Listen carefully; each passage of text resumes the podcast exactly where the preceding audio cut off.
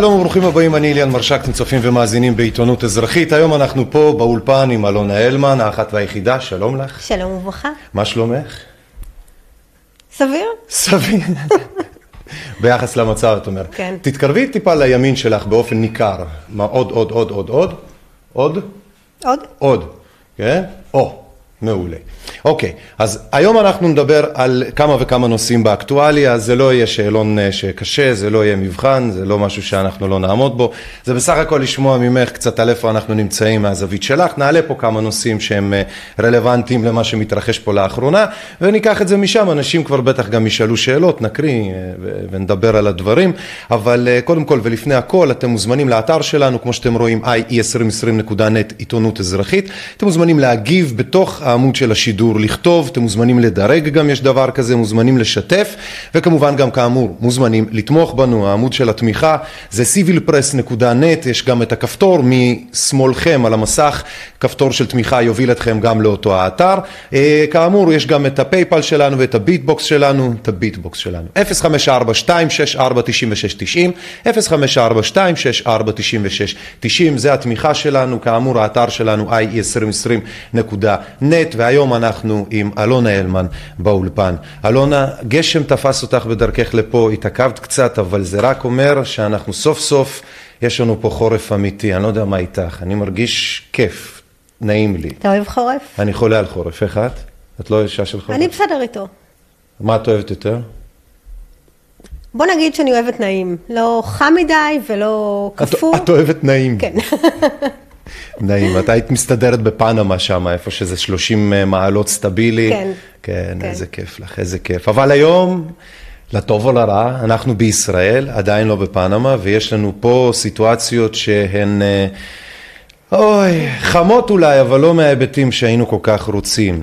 הייתי רוצה שנתחיל מאיזשהו טקסט מסוים, כי יש לנו הרבה שאנחנו יכולים לשוחח ולחפור וזה, אבל הייתי אה, רוצה שנשוחח על איזשהו טקסט מסוים ששלחה לי אה, אה, עורכת הדין עירית ינקוביץ', כאשר שוחחתי איתה לפני כמה ימים, אמרתי לה שאני אארח אותך באולפן, אז היא ביקשה להעלות את הדבר הבא, ובואי ניקח את זה משם. Okay. אוקיי. היא כותבת ככה, המגמה המסתמנת בציבור על פיה נסתפק לקבל את חיינו בחזרה היא מגמה מסוכנת מאוד.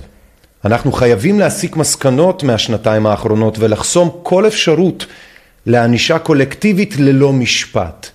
סגר הוא ענישה ולא מניעה, מסכות לילדים זו ענישה ולא מניעה. אם לא נחסום את האפשרות של הממשלה לעשות את הפשעים הללו, הם ישובו ביתר שאת. מה את אומרת? תראה, אין ספק שהקורונה אה, חשפה אה, קצה קרחון של אה, שקר מאוד גדול שיושב מתחת, אבל לא היינו חשופים אליו, כי זה קרה במחשכים, זה קרה בצורה ש... זה לא כמו היום שאנחנו ממש רואים את זה בבירור, וציבור גדול רואה את זה בבירור. כן. אז, אז אחרי שאנחנו מבינים שהממסד לא משרת אותנו, mm-hmm. הוא לא משרת אותנו, נקודה. אה, גם אם נחזור אחורנית לחיים הקודמים שהיו לנו, אנחנו לא יכולים לחזור לישון בשקט, כי, כי אנחנו מבינים שההגה של המדינה בידיים לא נכונות, לא טובות, לא ראויות, שלא לומר בידיים פושעות. אה, אני לא מרגישה שאני יכולה לחזור לישון יותר. ואני הייתי, ואני אחת שבאמת ישנתי חזק, לא ידעתי מי, איזה שרים יש ומי בממשלה, זה לא עניין אותי בכלל. טוב, גם מצד שני, יכול להיות שישנת כל כך, מה ש... לפי מה שאת אומרת, כן? שישנת כל כך הרבה, כל כך חזק, כל כך טוב, שעכשיו כבר אין, צריך לקום, יש אנרגיות, יש הרבה אנרגיות לעשות. כן, כן, אה? גם נכון, כן, ישנתי מספיק טוב, עכשיו אני מאוד ערנית. כן, יש הרבה אנרגיות. עם המון כוחות.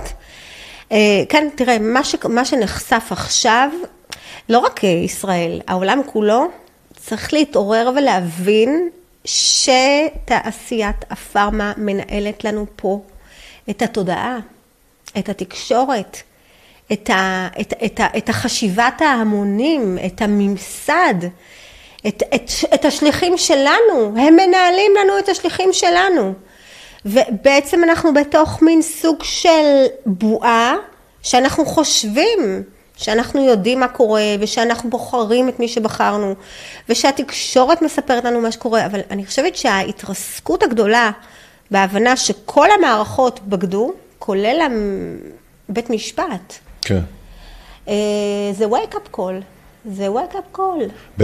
בהמשך למה שאת אומרת, הכותרות של השבוע האחרון, בכלל של הימים האחרונים, המשטרה פעלה עם ארגון ביון, אה, תאגיד ביון פרטי בשם NSO, בשביל לעקוב אחר אזרחים, פעילים חברתיים, אנשים שלא נוחים אולי לשלטונות, והם עשו את זה ככל הנראה לפי כתבה של אה, כלכליסט, בצורה שהיא מחוץ למסגרת המקובל בחוק הישראלי שקשור במעקב אה, וציטוט טלפוני וכזה ואחר.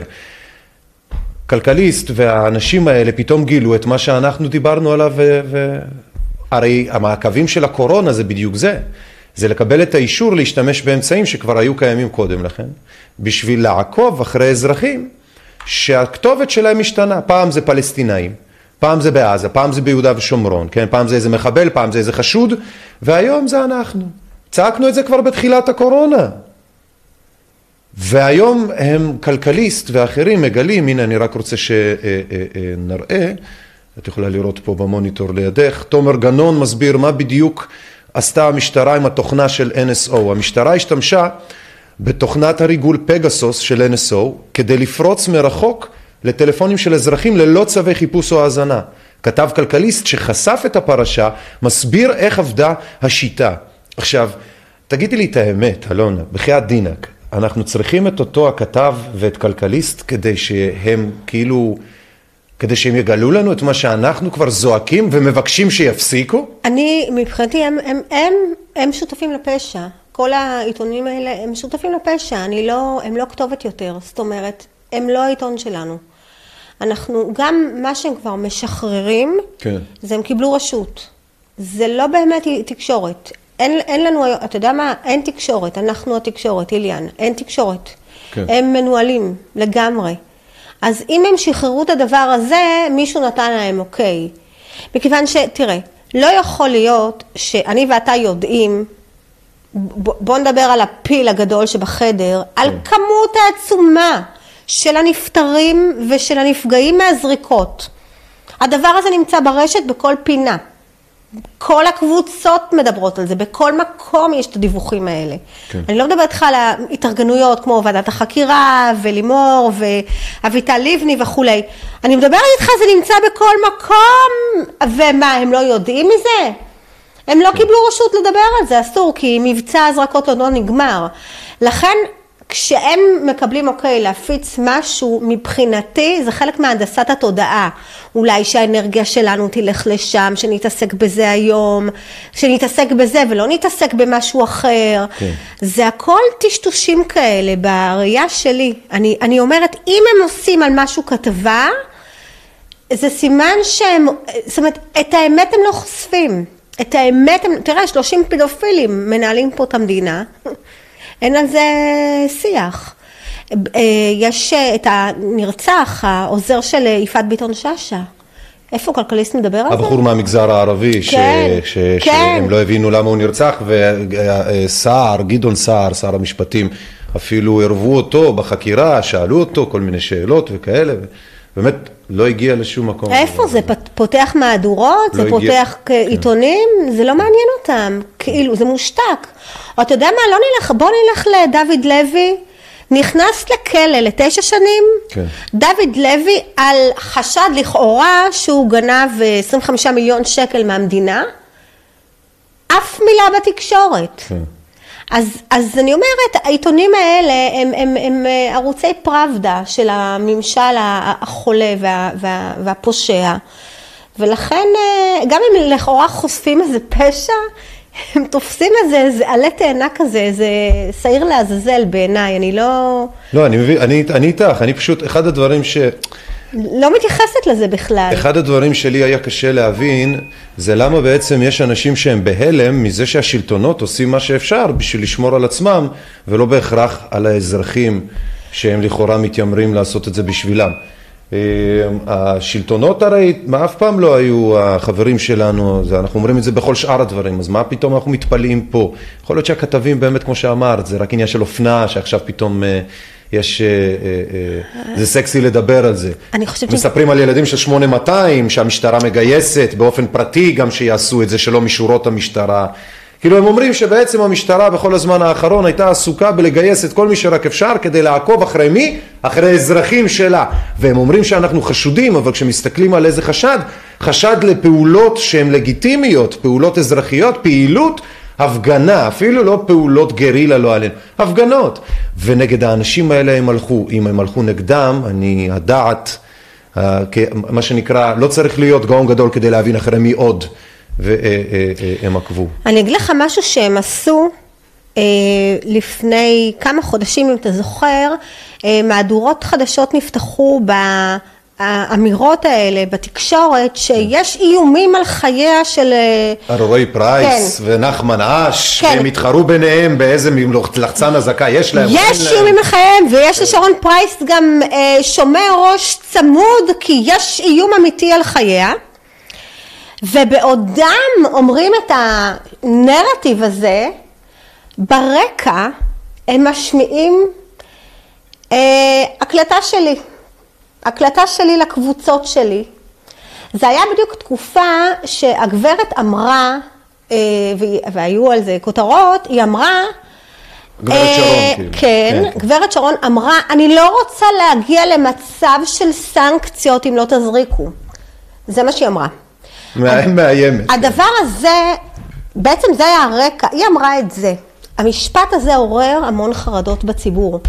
ממש אנשים היו מאוד מאוד... אה, כי זה, כי זה איום, זה איום. זה איום, אימה, אימה, אגב, לגבי הורים לגבי ילדים. אני לא רוצה להטיל סנקציות על הורים שלא, אה, שהילדים שלהם לא יתחסנו. כן. והורים נכנסו ממש לפאניקה, תקשיב, חרדות שיקחו להם את הילדים, כן. שהרווחה, אתה יודע, ו, ואני בקבוצות שלי הוצאתי הקלטה שהמטרה שלה הייתה הקלטת הרגעה. אני דיברתי על מה שהיא, על האיום שלה, mm-hmm. ואז עשיתי להם דבר שנקרא באמת דמיון מודרך בהובלה לעתיד, כן. כשאני אומרת להם בואו תדמיינו את היום שאחרי. כן. שכל השותפים לפשע יושבים בכלא ונרקבים שם עם הסמרטוט המסריח על הפרצוף שלהם. כן. ואני אומרת להם דמיינו את, אותה. עם הסמרטוט על הפרצוף וכולי, ואני נותנת להם לדמיין את זה בשביל, כדי להעלות חיוך על השפתיים שלהם, כדי להרגיע, כדי שתהיה להם תמונת ניצחון בראש, כדי לתת להם איזושהי, זה מה שאני מחזיקה בראש כל הזמן שהם בכלא. אני כן. כל הזמן יודעת שאנחנו לא נעזוב עד שהם לא ישבו בכלא. ואת זה נתתי. עכשיו, מה עשו בתקשורת? לקחו את כל ההקלטה, הוציאו מהקשרו של האיומים שלה mm-hmm. את כל הפתיח שלי, ורק השמיעו, השמיעו את הקטע שאני אומרת, שהיא תרכב בכלא עם הסמרטוט המסריח על הפנים. כן, אני זוכר את זה, וזה מבחינתם היה איום שכאילו מי ישמע... וזה היה על הרקע שיש איומים על החיה של שרון, משמיעים את זה. כן. ומה שעוד רדף אחריי, מיטלמן התקשר אליי, כן. ו... עכשיו תקשיב, זה היה בדיוק תקופה שהיו המון עדויות על נפגעים, המון עדויות על נפטרים מהזריקות, מלא. אנשים מספרים על ההורים שלהם, על האחים שלהם, על השכנים שלהם, מלא דיווחים. כן. בתוך כל הדבר הזה השתמשתי באיזשהו ביטוי על שרון פרייס. Mm-hmm. ביטוי מעולם הפסיכיאטריה, בן אדם שאין לו חמלה לסבלו של האחר, כן. אתה יודע מה האבחון שלו, איך קוראים לבן אדם כזה שאין לו את החמלה? סוציופט? פסיכופת. פסיכופת, אוקיי. אז אני כיניתי אותה פסיכופתית, וזה לא קללה, זה פשוט הגדרה פסיכיאטרית. מישהו שאין לו חמלה ולא רואה את האחר הוא פסיכופת, ואני כך כיניתי אותה. עכשיו, מבין כל הדיווחים על האסון הבריאותי שיש כאן, מיטלמן מתקשר אליי, והוא רק התעסק בלמה כיניתי אותה ככה, זה מה שעניין אותו. עכשיו, ב... באותן אה, מהדורות חדשות, שיש איומים על חייה של פרייס, אז משמיעים אותי אומרת על זה שהיא תרכב בכלא עם הסמרטוט, כן. וגם הם, הביאו איזושהי פסקה שאני מכנה אותה פסיכופתית. עכשיו, הם אומרים, למה המשטרה לא פותחת אה, חקירה נגד המאיימים, נגד... אבל מי, מי, איפה, איפה היה איום על חייה? איפה האיום, כן. לא השמיעו שום איום. כן. אבל אני הרגשתי איום, אתה יודע למה? כי זה כאילו היה איזשהו מסר, זה איום. כן. מה שהיא אומרת זה, נכון. זאת אומרת, אין איום, אבל תשמעו מה אומרים. ואיך זה נגמר העסק הזה? זה נגמר בכלום. זאת אומרת, לא הוגש לא תלונה ולא כתב אישום ולא שום דבר, מכיוון שלא היה שום איום. זאת אומרת, ערוצי החדשות שידרו ופמפמו שקר אחד גדול, שיש לכאורה איומים על חייה של שרון פרייס, כן. שבעצם הכל היה ממש fake news. טוב, הם צריכים למלא את ה slot של החדשות איכשהו. אבל אתה יודע, אני לא יודעת... זה איך- הפרנסה שלהם. אני לא יודעת איך אתה, אני לפני עונת הקורונה, אני חשבתי, באמת, שבחדשות מספרים לי אמת. לפני הקורונה. אמרתי לך, ישנת מה זה טוב. אני הייתי כבשה, לא, לא, באמת, אני לא... אוח, ישנת מה זה טוב. לא אני כמעט ידעתי, לא מקנא ידעתי. שהתקשורת, אה, אני יודעת שאנשים קראו לה תשקורת וכולי, אבל לא הבנתי את העומק של ה... תראה, הם ארוזים מיליון דולר כמשהו מקצועי, כמשהו אמין, מביאים לך רופאים עם החליפה, עם הפרופסורה והכל, אתה, מת- אתה יודע, את כל הברי סמכה, באריזה הכי מקצועית שיש. זה התניות פבלוביות. אורזים לך התניות פבלוביות שכאילו מה ש... אחד אחד מהדברים האלה, מה שאתה רואה, אתה תיפול להאמין שלא משנה כלום. זה האמת ואין בלתה. נכון. אתה לא יכול לערער. ואני. רואה את זה מהסביבה שלי, אתה יודע, כל האנשים שקנו את הבלוף של המגפה, הם חייבים לשמוע, לא משנה מה נאמר להם, אם זה לא היה בחדשות, זה לא אמת. רק מה שעובר בחדשות זאת אמת. כן. וההתרסקות הזאת, וואי, תקשיב, זה קשה. זה קשה, זה קשה. אני, אני עדיין אה, בטלטלה. להבין שערוצי התקשורת הם ערוצי ש... רמאות, וואי, זה, זה באמת אני חושב שזה, ערוצי התקשורת, כשאת אומרת שזה טלטלה וה, וה, וההתנהגות שלהם וזה, אני בסוף, כמו שאת אמרת, אני רואה את העתיד. כי ככל שהם עושים את מה שהם עושים, ככה אני יודע שאנחנו נגיע לאיפה שאנחנו אמורים להיות. זה התחושה שלי, כי כאילו, לנו אין כוח עליהם. הם יכולים להגזים ויפלו, ואז אנחנו נהיה אלה שהבאים בתור שנמצאים פה כדי לעשות את מה שצריך לעשות. ככה אני רואה את זה. לנו אין כוח עליהם, אתה בטוח? זה לא משנה אפילו. Okay. אוקיי. הם כל כך הגזימו, פשוט תדמייני ערס, או מישהו שפשוט פיל בחנות חרסינה, שבואי, שברת אחד, אה, יאללה, נסלח לך, אבל בואלכ, אתה שובר לי את כל החנות, אח שלי, התוצאה, אה, אתה יודע, אני, אתה אומר, אין לנו, התוצאה ברורה, אנשים לא יקבלו שזה אין לא... לנו כוח עליהם, אני, מה זה לא מסכימה איתך פה? כי אני, אני אומר את זה כרגע, כי אנחנו אומר- נמצאים במצב שאת אומרת לי ישנת טוב עד כה, כן. אז אנחנו באיחור. זה שיש לנו פה איזשהו כוח עם פוטנציאל, אני מסכים, ואני גם אופטימי מאוד שאנחנו נעשה את השינוי. פשוט כרגע ספציפית, נכון לרגע זה, צריך להיות רגע ריאלי ולהבין שהם עוד נמצאים במקום שחובט בנו, כאשר אנחנו מחזירים מלחמה שערה, אבל הם. בהחלט עוד נמצאים בפוזיציה.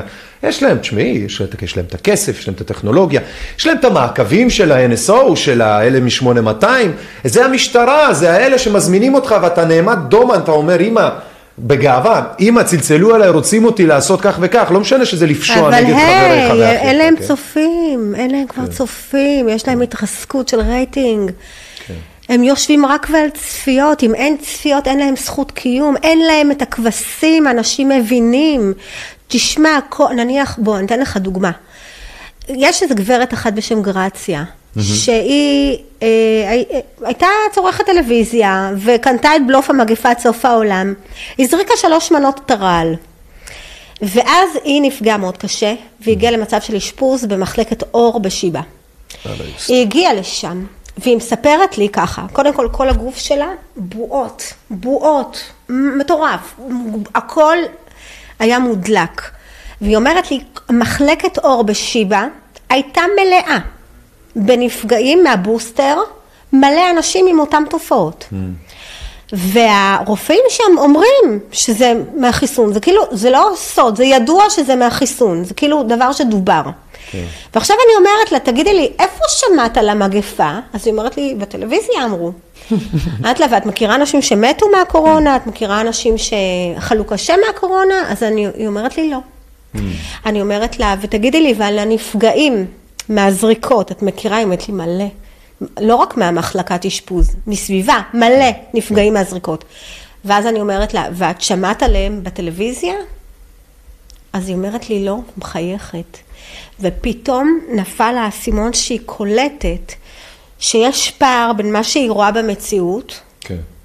שאין אה, גופות ברחובות, לבין המגפה שהכניסו לה לראש, כן. לבין זה שכן יש גופות ויש נפגעים מהזריקה, ועל זה הם לא מדברים. כן. עכשיו, מישהו שחווה את הדיסוננס הזה, אין, זהו, גמרנו, הוא איבד אותם. היא הבינה.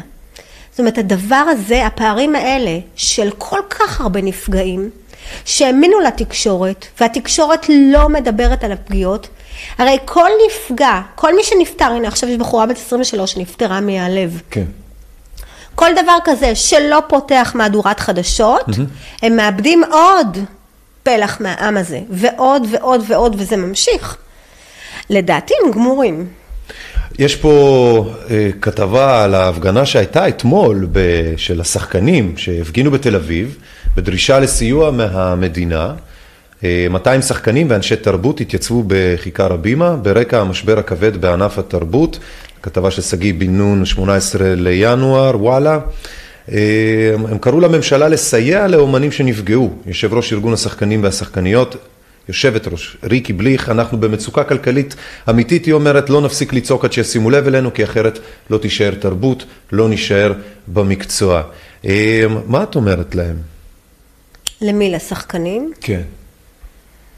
את האמת? בוודאי שאת האמת, זה, זה, זה הסיבה, אם לא העיקרית, שאת כאן. היכולת שלך ושלנו לומר את האמת. אילן, את האמת מגיע להם. למה? כי אני כועסת עליהם. מקובל, אבל בגלל שאנחנו על, על אותה סירה שעולה באש, וכך או אחרת נמצא את עצמנו אחד ליד השני במעלית הזאת, תנסי לבוא מהמקום של הכעס של, ה, של, ה, של ההורה שאוהב את הילד. מה הם יכולים לעשות אחרת? או איפה הם טעו? בואו ננסה ללמד, אוקיי. להעניש שאנחנו יכולים. בואי ננסה רגע להסביר להם למה הם אולי, לפי מה שאת אומרת, ראש בקיר או לא בכתובת או לא הולכים לכיוון הנכון. תראה, הרי מה הם עשו לדעתך לא בסדר, שעכשיו זה הסיבה שאת אומרת את הדברים? קודם כל הם שיתפו פעולה עם הטלאי הירוק, מה זאת אומרת? הם נתנו למדינה להשתמש בהם ככלי, להדיר ולהסית ולפלג בינינו, ולעשות אה, סלקציה בין אזרחים. השתמשו, הם הסכימו שישתמשו בהם בשביל לעשות כאן את העוולה הכי מחרידה שאפשר. כן. הרי מה זה כפיית זריקות? זה לא שיבואו אליי פיזית ויתפסו אותי וזה, אלא לא יאפשרו לי לחיות את החיים הרגילים שלי. וישתמשו בשחקנים האלה ובאומנים האלה ככלי להגיד, חמודה, את רוצה תרבות? את רוצה לבלות? את רוצה להעשיר את עצמך? לכי תזריקי. הם שיתפו פעולה עם הדבר הזה, ופה הם בגדו בערכים הכי בסיסיים של חוק יסוד כבוד אדם וחירותו. הם היו צריכים להגיד, סליחה, אנחנו לא נותנים לזה יד. עכשיו, אם הם לא היו נותנים לזה יד, מהר מאוד הטלאי הירוק היה נופל במערכת התרבות, ואז האולמות היו, היה להם את הקהל הגדול, שזה כל עם ישראל. כי כרגע מה קורה? חצי מדינה לא הזריקה, מנה ראשונה, שנייה או שלישית. כן. הם איבדו אותנו. הם איבדו אותנו. יותר מזה גם, אם מחר זה יבוטל, אני לא יודעת עד כמה מהר אנחנו נחזור להבימה, לבניין הזה, אחרי שהם שיתפו פעולה עם הדבר הזה. אז, אז בעצם תראה, אם אנחנו מדברים על ילד ועל הורה וילד, יש כאן משהו שהילד לומד מתוך מה שהוא עשה, והוא יכול רק להבין בדיעבד, שזה שהוא חשב על עצמו בטווח הקצר, הוא הפסיד בטווח הרחוק. ויכול להיות שהשיעור הזה שהם לומדים, זה שיעור שיהיה להם שיעור לחיים, גם הקניונים אגב. כן. אנחנו לא נחזור לקנות שם כך מהר. כן. אנחנו מעבירים אותם שיעור. אז כמו אם אתה רוצה הורה וילד, אז זה דבר שנקרא חוק התוצאה הרצויה. מה זה חוק התוצאה הרצויה? נניח התא הזה הוא רותח, בסדר? אז אני יכולה להגיד לילד, אל תכניס את האצבע למים, הוא לא יקשיב לי, הוא יכניס. אז אם הוא יכניס, מה יקרה לו? יכווה. הוא יחטוף קביעה, ואז הוא למד.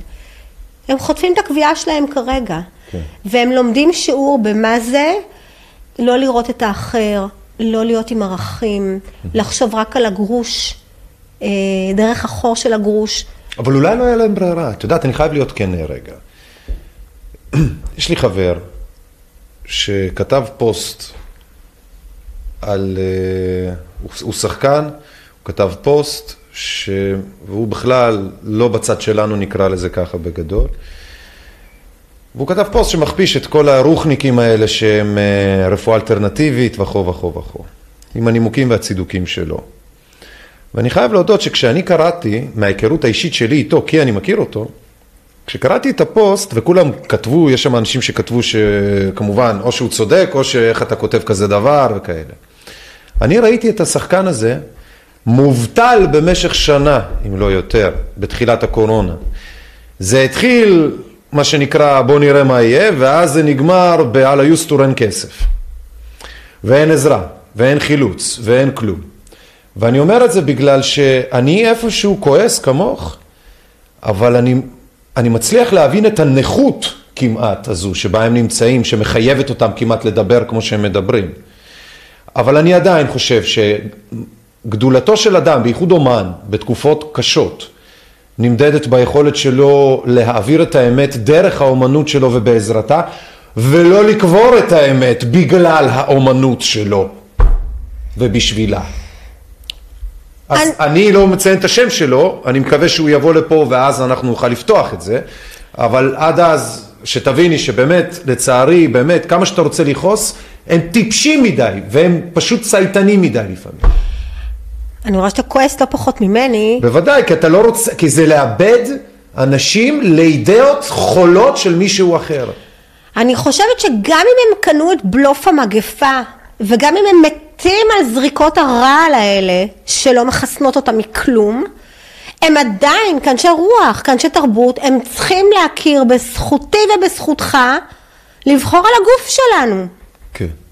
וזה שהם לכאורה אנשי רוח, שמכרו את נשמתם לשטן, ושהם זורמים עם כפייה של זריקות, כפייה של הליך רפואי בלתי הפיך.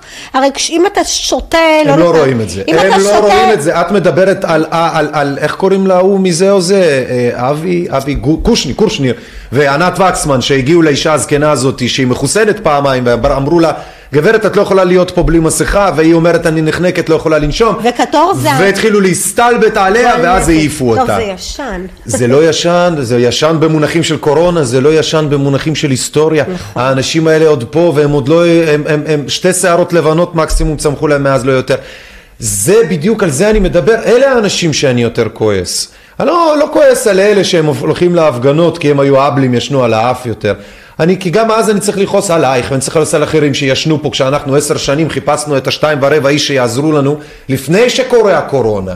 הרי הקורונה למה בעצם השלטון הזה קרה? כי אני לדעתי האישית, כן? כי 2011 כשל.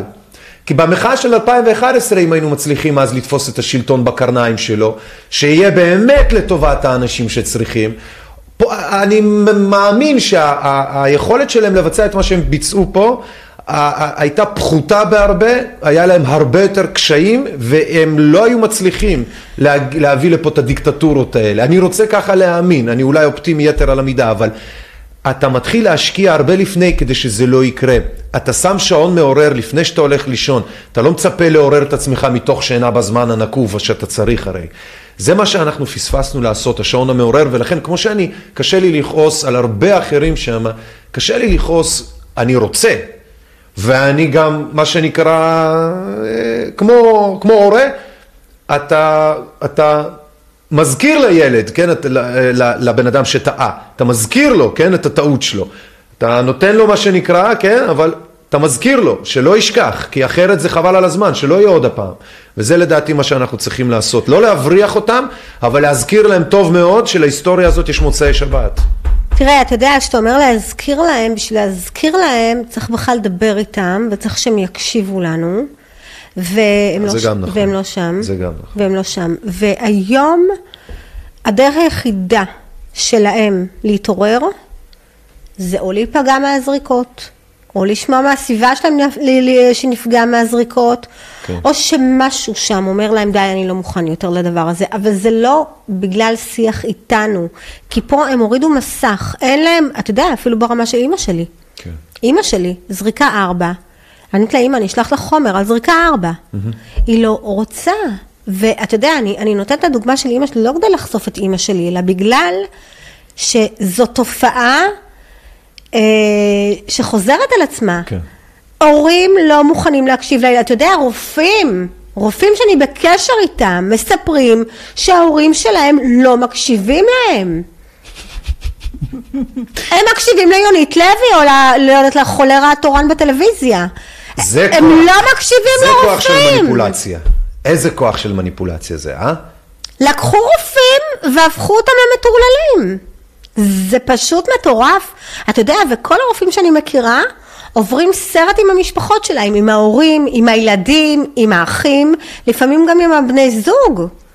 כן. עכשיו, רופא שנכנס לעובי הקורה, שיש לו את האינפורמציה, לא רוצים להקשיב, לא רוצים לקרוא, לא רוצים לצפות. כן. כי הם עברו איזושהי היפנוזה, ולכן אני אומרת, תראה, אתה לא יכול לדבר עם מי שלא מסוגל לשמוע, אבל אם אני עוד פעם אחזור באמת למה שאתה מצ... הצעת, להיות במקום של, מקום הורי, או אם תרצה, אז נגיד מקום של החמלה, זה לא חמלה, זה כעס בריא, אבל לא, לא לשפוך את התינוק עם המים. זה ההבנה הזאת שבסוף הרי, בואי, אבל- אני הייתי עם האנשים האלה בשטח, בסדר? בהפגנות אחרות, צודקות לא פחות, כן. חשובות לא פחות, אוקיי. ומוצלחות בחלקן. כן. אז אני יכול לבוא ולהגיד על הבן אדם הזה שאתה לא בסדר, אתה לא בסדר, כשאני יודע שהוא מהמחנה שלי, הוא רק מבולבל. אז זאת אומרת, הוא בסדר, הוא רק מבולבל, וצריך להזכיר לו את זה גם אם הוא מטומטם שרודה בך. אז אני יושב בצד, כמו ילד יפסיק להשתולל, יירגע, ואז נדבר. כן, ממש ככה. אני אגיד לך, תראה. כשאני, אם אני לא רוצה להיות בכעס, הדרך היחידה היא להבין שהם בחרדות. וכשאני מבינה שיש שם חרדות, אז אין בתוכי כעס עליהם, יש חמלה, באמת. כן. מה שמחליף כעס זה רק חמלה. ברגע שאתה יודע שהאנשים האלה מסכנים, כן. הם חרדים, בוא, יש לנו משפחה שלא מוכנה להיפגש איתנו לארוחות, אה, לארוחות ערב שישי. כן. לא מוכנים. למה? הם חרדות. אבל אה, למסעדה בטלאי ירוק באום אל-פחם הם הולכים בלי טלאי ירוק ובלי מסכות, לשם הם נכנסים. אלינו לא. זה אנשים, אחד עם חרדות, שניים ב, עם חשיבה לא רציונלית. ולא במקרה. נכון. כמו שאומר הפסיכופת, הפרופסור. הנדסו להם את המוח. כן.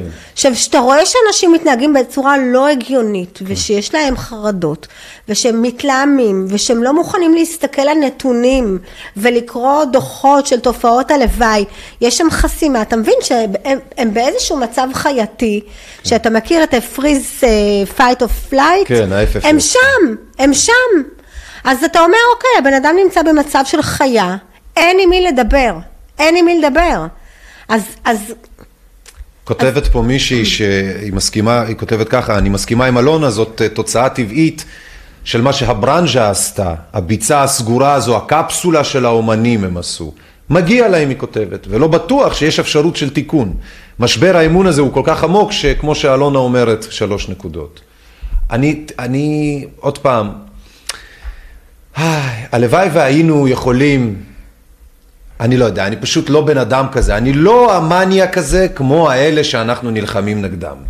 אני לא אצליח, אני לא יכול להתיימר גם להיות כזה. תראה, אני חושבת... אני לא נוטר טינה, אני- אולי יש כאלה אני שמצליחים, חושבת אני לא שלא. אני חושבת שכל הרגשות כרגע לגיטימיים. אמת, לכ- לכולם. אמת. הכל לגיטימי. לגיטימי לך, לי להיות בכעס יותר גבוה, לך יותר נמוך, אתה גם יותר זמן ער ממני, אני רק עכשיו התעוררתי ואני בהלם שלי. אבל אני יכולה להגיד לך משהו, אליאן, אני אשתף אותך, ש... אתה יודע, בעלי הוא מורה דרך, ועכשיו לא מזמן נפטר אה, יורם טהרלב, והוא מאוד אוהב את השירים שלו, ובא לו רעיון לעשות טיול בעקבות שיריו של יורם טהרלב, יחד עם גיטריסט, ותהיה שירה בציבור. ואתמול הגיע הגיטריסט, כדי שהוא יכיר אותו ויראה אם יש חיבור ואם זה מתאים. ואני ביקשתי לראות איך הוא מנגן ושר וזה, ביקשתי שהוא ישיר את השיר אה, ההר, היו- ההר הירוק תמיד, אתה מכיר? האמת היא שלא. שיר מאוד יפה. נכשלתי במבחני תערלב. בסדר. בכל מקרה, שיר נורא יפה. והוא שם ניגן ושר, ואני שרתי יחד איתו. ואחר כך, שהייתי צריכה לנסוע לאיזה מפגש אקטיביסטים, אני פתאום, הרג- אני גם עכשיו מרגישה שאני, שאני עוברת את זה, אני הרגשתי הצפה שאני תכף מתפרצת בבכי, כי משהו בארץ ישראליות שלנו, משהו בשייכות, הרי שירה בציבור זה הכי ארץ ישראלי, של שירי ארץ ישראל, של, של זמרים, של, של, אתה יודע, כותבים ישראלים וזה, זה כאילו הכי, פתאום אני הרגשתי זרות וניכור, ולא יכולה ליהנות מזה עד הסוף. כאילו חוויה ענקית, מה שצף לי כמו איזה צונאמי זה, זה בגידה ענקית של כל המדינה הזאתי, כן. ברמות שלקחו לי את הכיף אפילו מלשיר שירה בציבור. זה כאילו פתאום, אני לא מרגישה אה, שייכת למדינה הזאת פתאום, אני מרגישה המדינה הזאת בגדה בי. מין הרגשה, תשמע, יש לי קרוב משפחה, ממש קרוב, קרוב מאוד מאוד מאוד, הכי שאפשר. Mm-hmm. שהוא רוצה לעוף מכאן, לעזוב את הארץ. ואם הוא יעזוב פה את הארץ, אני גמורה מזה. וזה בן אדם שהוא, בוא, לחם בצבא, היה ב, באמת ביחידה מיוחדת, זה לא... הוא רוצה לעזוב את הארץ, וגם מה שהם עושים פה. ואני אומרת, יש פה חוויה מאוד מאוד חזקה של בגידה. כן. וזאת בגידה של כל הממסד, הרי, הרי גם צה"ל עם, ה, עם הכפיית זריקות שם, כן. ועם המטס הזה של הזריקה הראשונה ושנייה, אתה זוכר מה עשו? יודע, זה עוד שטויות לגבי החדרים של המבודדים והחיילים שלא נותנים, שמתעמרים וששולחים אותם לאלף עזאזל. ואומרים להם לאיפה אפשר ללכת. וכמה שותפים לפשע הזאת לא הארץ שלי. זאת לא הארץ שלי, ואני אתמול עברתי באמת אה, חוויה מאוד מאוד רגשית. שכאילו השירה בציבור זה שייך לי במוח לארץ ישראל, לתמימות, לשייכות, למדינה אותה הקמנו, ההורים, הסבים שלנו הקימו, כן. משהו שהוא שלנו. פתאום אני מרגישה שזה לא שלי הדבר הזה. אין את החדווה הזאת יותר. זה לא שלי הדבר הזה, זה, זה ארגון פשע יש פה. אין שום דבר שאתה יכול לראות אותו כשלך, כן, זה בכלל ניכור. ממש. וחוויתי את זה מאוד קשה, אני אומרת לך, אני הפסקתי את הנהיגה באמצע, עצרתי בצד ככה, אני ממש... את יודעת מה, רציתי לפרוץ ש... בבכי. אני חושב שהקטע, מה שאת אומרת עכשיו, זה כאילו, אני כמהגר, אני כאילו... אצלי זו עובדה, זאת אומרת, זה, זה, זה מציאות ודרך חיים, שאני תמיד אהיה זה שצריך להוכיח את עצמו, שהוא מין אאוטסיידר, שכל הזמן הוא צריך להוכיח את עצמו, הוא לא בדיוק מאה אחוז חלק מ... וכאלה. אתה, אתה? כן, אני והעולים החדשים השונים וכאלה, תמיד יהיה איזשהו מין גרעין של נטע עזר. שהסביבה או איכשהו תמיד תסתכל על זה ותגיד ותחשוב בליבה בצורה כזאת או אחרת. זה היה פעם, היום אולי פחות, אבל זה עדיין שם. זה בארץ ובעולם הרי, גם האפריקאים, האפרו-אמריקאים, בינם לבין עצמם, עם הלבנים שם עד היום בסכסוכים 270 שנה כבר. אני אומר את זה כי אני מבין את הטרגדיה שלך שהיא יותר גדולה לדעתי. מי שנולד בארץ הזאת, והשורשים שלו הם הם המדינה, והוא לא עבר חיתוך, קיטוע, העברה, כן, והסתגלות מחדש. פתאום חוטף את הסתירה הזאת מהמקום הזה, ש... ש... זה קשה הרבה יותר. זה מילים אחרות, מישהו שיש לו מה לאבד והוא מאבד אותו, זה קשה יותר ממישהו שאין לו מה לאבד ועוד מאיימים עליו במשהו שאין לו מה לאבד. כן. זה הרבה יותר קשה, כי אני, מה זה מבין אותך? כמו במטריקס, בסרט המטריקס, כן? אתה כאילו יום אחד איזה מישהו, חיים קשים או קלים, לא משנה, ופתאום שמים אותך במין חללית ואומרים לך שכל מה שנהנית או סבלת ממנו, אבל זה החיים שלך, הוא בכלל לא אמיתי. החדוות הקטנות שהיו לך, ממראה לנשים, ממראה נשים למטעמים ומאכלים וזה, פתאום זה הכל זר, זה מעשה אפליקציה ואלגוריתם. אני כל כך מבין אותך. אני נמצא בזה עשר שנים ואני מרגיש שגם אני מרעיל את הסביבה שלי בתחושות האלה, כשהם שמים לב שאני, אין לי את החדווה הזאת יותר שהם, שהם כאילו רגילים היו לראות. אני יותר לא נהנה מסתם טיול לכנרת, זה הכל אני מרגיש כמו יציאה לשדה קרב, כמה טיפשים, כמה סכנות אני הולך להיפגש בהן, ובקורונה בכלל.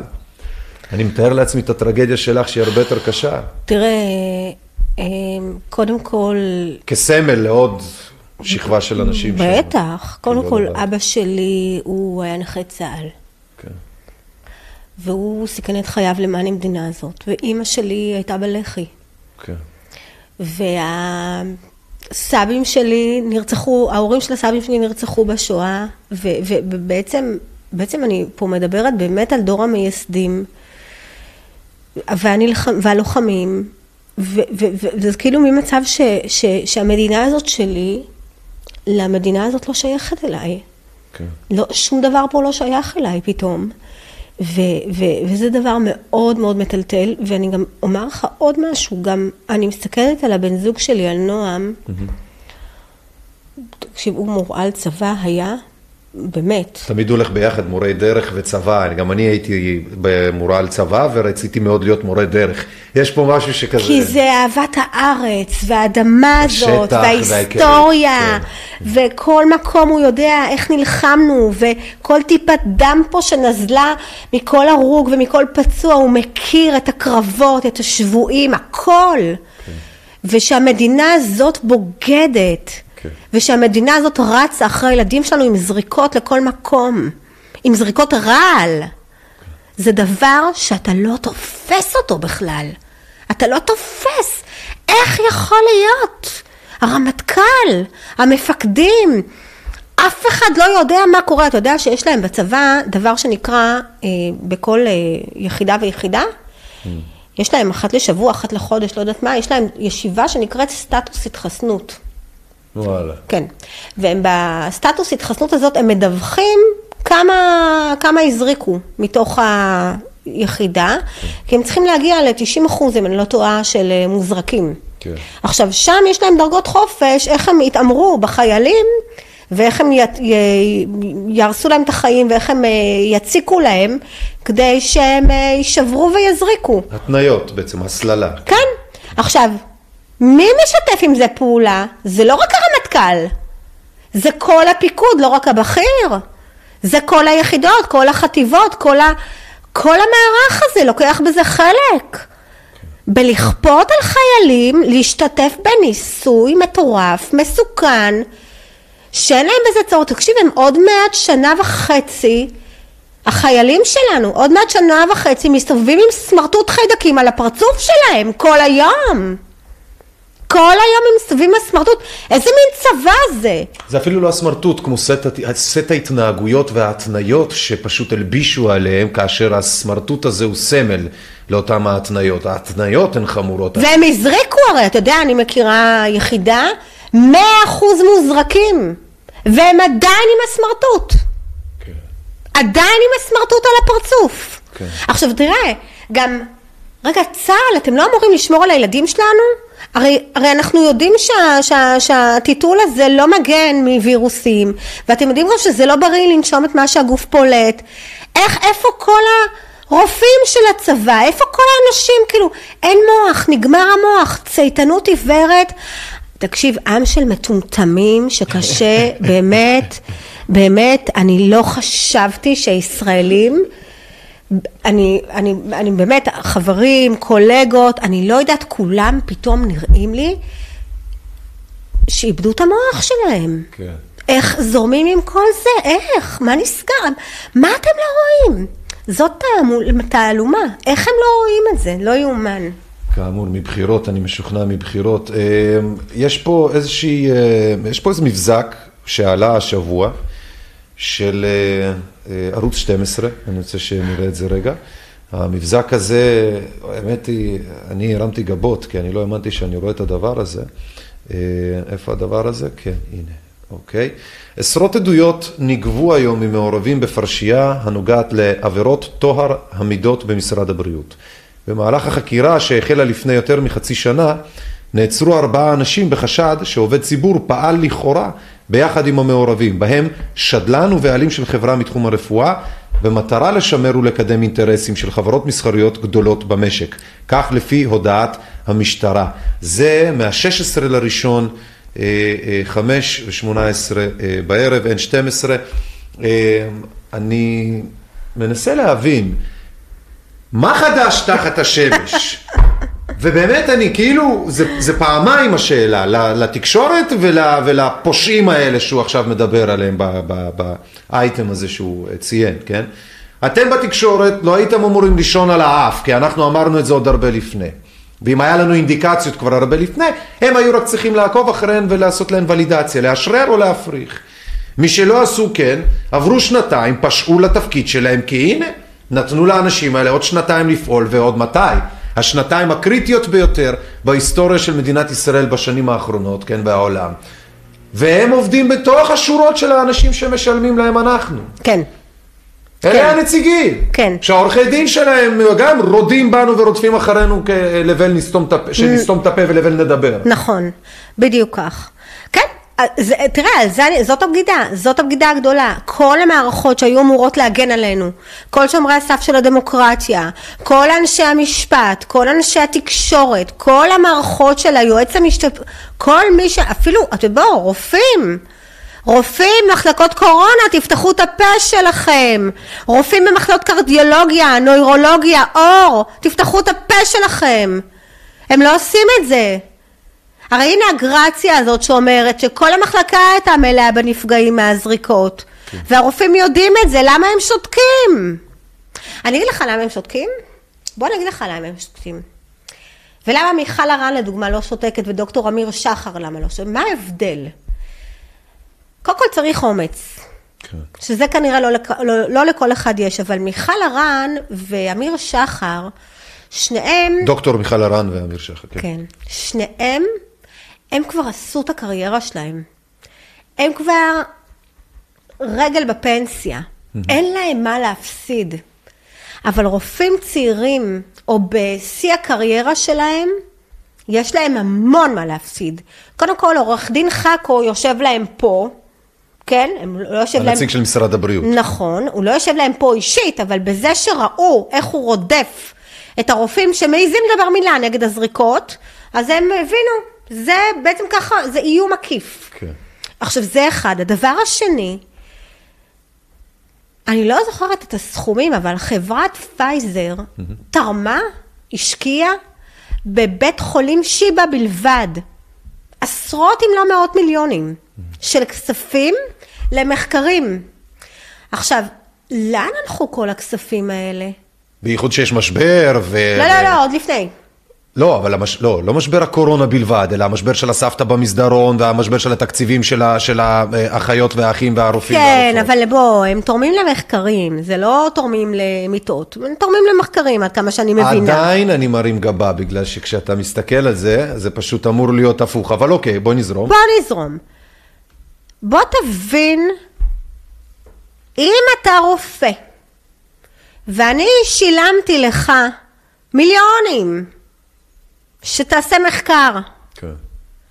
ועכשיו זה אותה אני, שיש לי פה איזשהו ניסוי אחר, על מוצר אחר, בסדר? ואתה רואה שהמוצר הזה הוא אסון, אבל פה מילאו לך את הכיס, בסטפות. מה הסיכוי שאתה תפתח, תפתח את הפה נגד החברה ששימנה אותך? אפסי. בדיוק כך. ככה הם קנו את הרופאים. אם אתה שואל אותי, איך בית חולים שיבא, הרי משם יוצא כל השקר, איך יש שתיקה מבית חולים שיבא? כן. זה כי הרופאים שם, כנראה רובם, אם לא כולם, בצורה כזאת או אחרת, קיבלו תקציבי מחקר. או ציפו לכאלה באופן עתידי גם, בלי שמישהו הבטיח משהו, מתוך ההבנה של הפוליטיקות ושל החברויות והחברותות השונות שנוצרות בתוך המקצוע. ולזה קוראים למכור את נשמתך לשטן. אולי אין להם ברירה. את מכירה, אני אשאל אותך, בואי שנייה רגע ננסה לא לסנגר על השטן, אבל את מכירה אותי, אני תמיד חייב לשאול גם את הצד השני כדי לשם האיזון, ולו של השיח. את מכירה, ובטוח שכן, אבל בואי ננסה רגע לחשוב. מקרה ומי של מישהו, שאת יודעת שהוא הסכים למשהו, או להיות כחלק ממשהו, שכשמסתכלים על זה פעמיים, שלוש, אומרים ש... אה, פחות לעבוד בחברה כזאת. את מכירה מקרה כזה? יצא לך? כן. תספרי לי. לא בשמות ביותר מדי, אבל... אני הייתי פעם עוזרת של מנטור לשיווק באינטרנט. הייתי בצוות שלו. והוא היה פרפורמר מדהים. הוא היה, מש... הוא... באמת, הוא היה על במה מוכר בטירוף. זה היה מדהים, הוא היה כריזמטי מאוד, ואני למדתי ממנו המון, ובהפסקות הוא היה מרים חתיכת מעמד מכירה, ואחר כך הייתי סולקת הוויזות לאנשים. אני זוכרת שבאיזה הפסקה, אני סלקתי רבע מיליון שקל בהפסקה אחת. או, כן. עכשיו, הוא הבטיח להם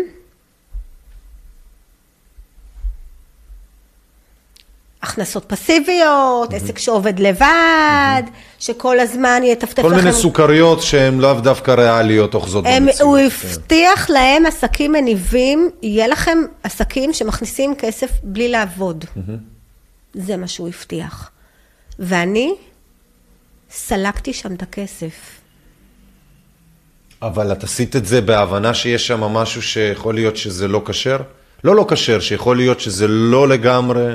כשאני עשיתי את זה, אני בעצמי עוד לא עברתי את המסלול של מה שהוא הוא הולך ללמד.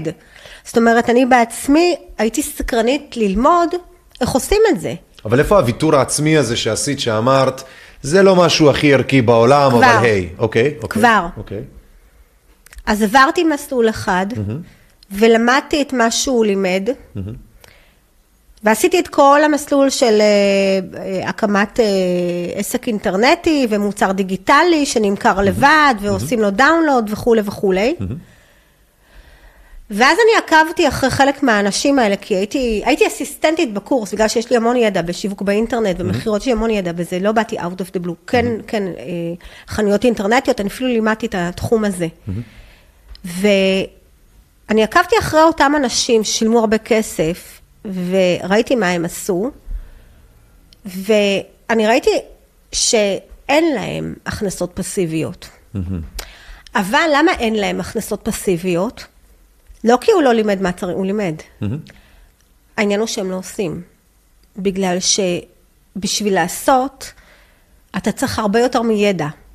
אתה צריך להאמין בזה, אתה צריך להתמיד בזה, אתה צריך לנקות את האמונות המגבילות, אתה צריך שיהיה לך משהו למכור שהוא באמת שווה, כן. ולא כל טמבל, אתה צריך שיהיה לך גם מה להציע. בקיצור, אני ראיתי מה שהוא לימד, אבל אני ראיתי גם מה הוא הבטיח, ולא היו תוצאות לאנשים. אז זאת אומרת, הייתה לי תקופה ש...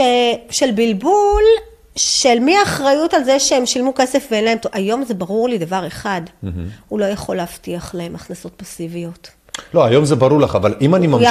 הוא יכל היה רק להבטיח מה הוא ילמד, מה הוא ייתן, מה הוא יסביר, מה יהיה לכם, שאני אעזור לכם להקים, אבל את התוצאות, זה תלוי במה שאתם תעשו. אבל לשאלתך אני אענה לך. הי- הייתה את התקופה שאני הייתי חלק מזה, וכבר לא היה לי שקט.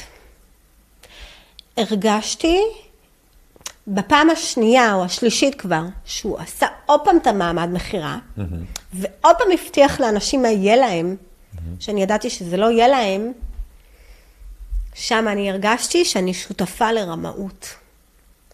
והייתי במקום הזה תקופה מאוד קצרה של דיסוננס מטורף, שאני חלק מהבטחות לאנשים שזה לא יקרה להם.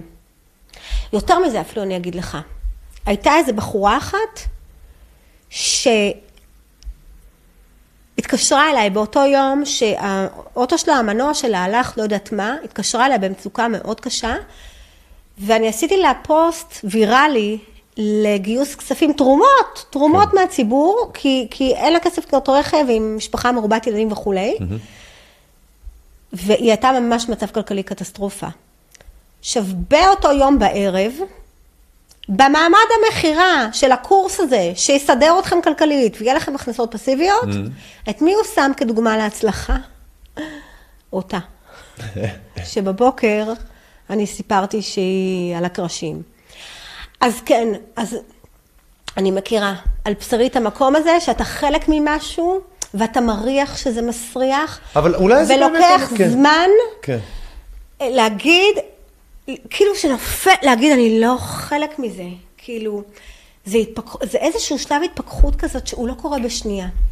אולי אנחנו בעצם כועסים על איזשהו מין תופעת טבע כזאת. כאילו, תמיד יהיה את הבן אדם שנמצא בשלב הזה בחיים, שהוא עושה משהו, בתחושה שזה משהו מגניב, מלהיב, כי על פניו נראה כך, אבל בעצם הוא חלק אה, ושותף, פעיל, בעצימות כזאת או אחרת, מביצוע של משהו שגם אם לא עכשיו, אולי בעתיד, ייחשב כסוג של פשע, או, או, או דבר עבירה מאוד רציני נגד אדם אחד או יותר.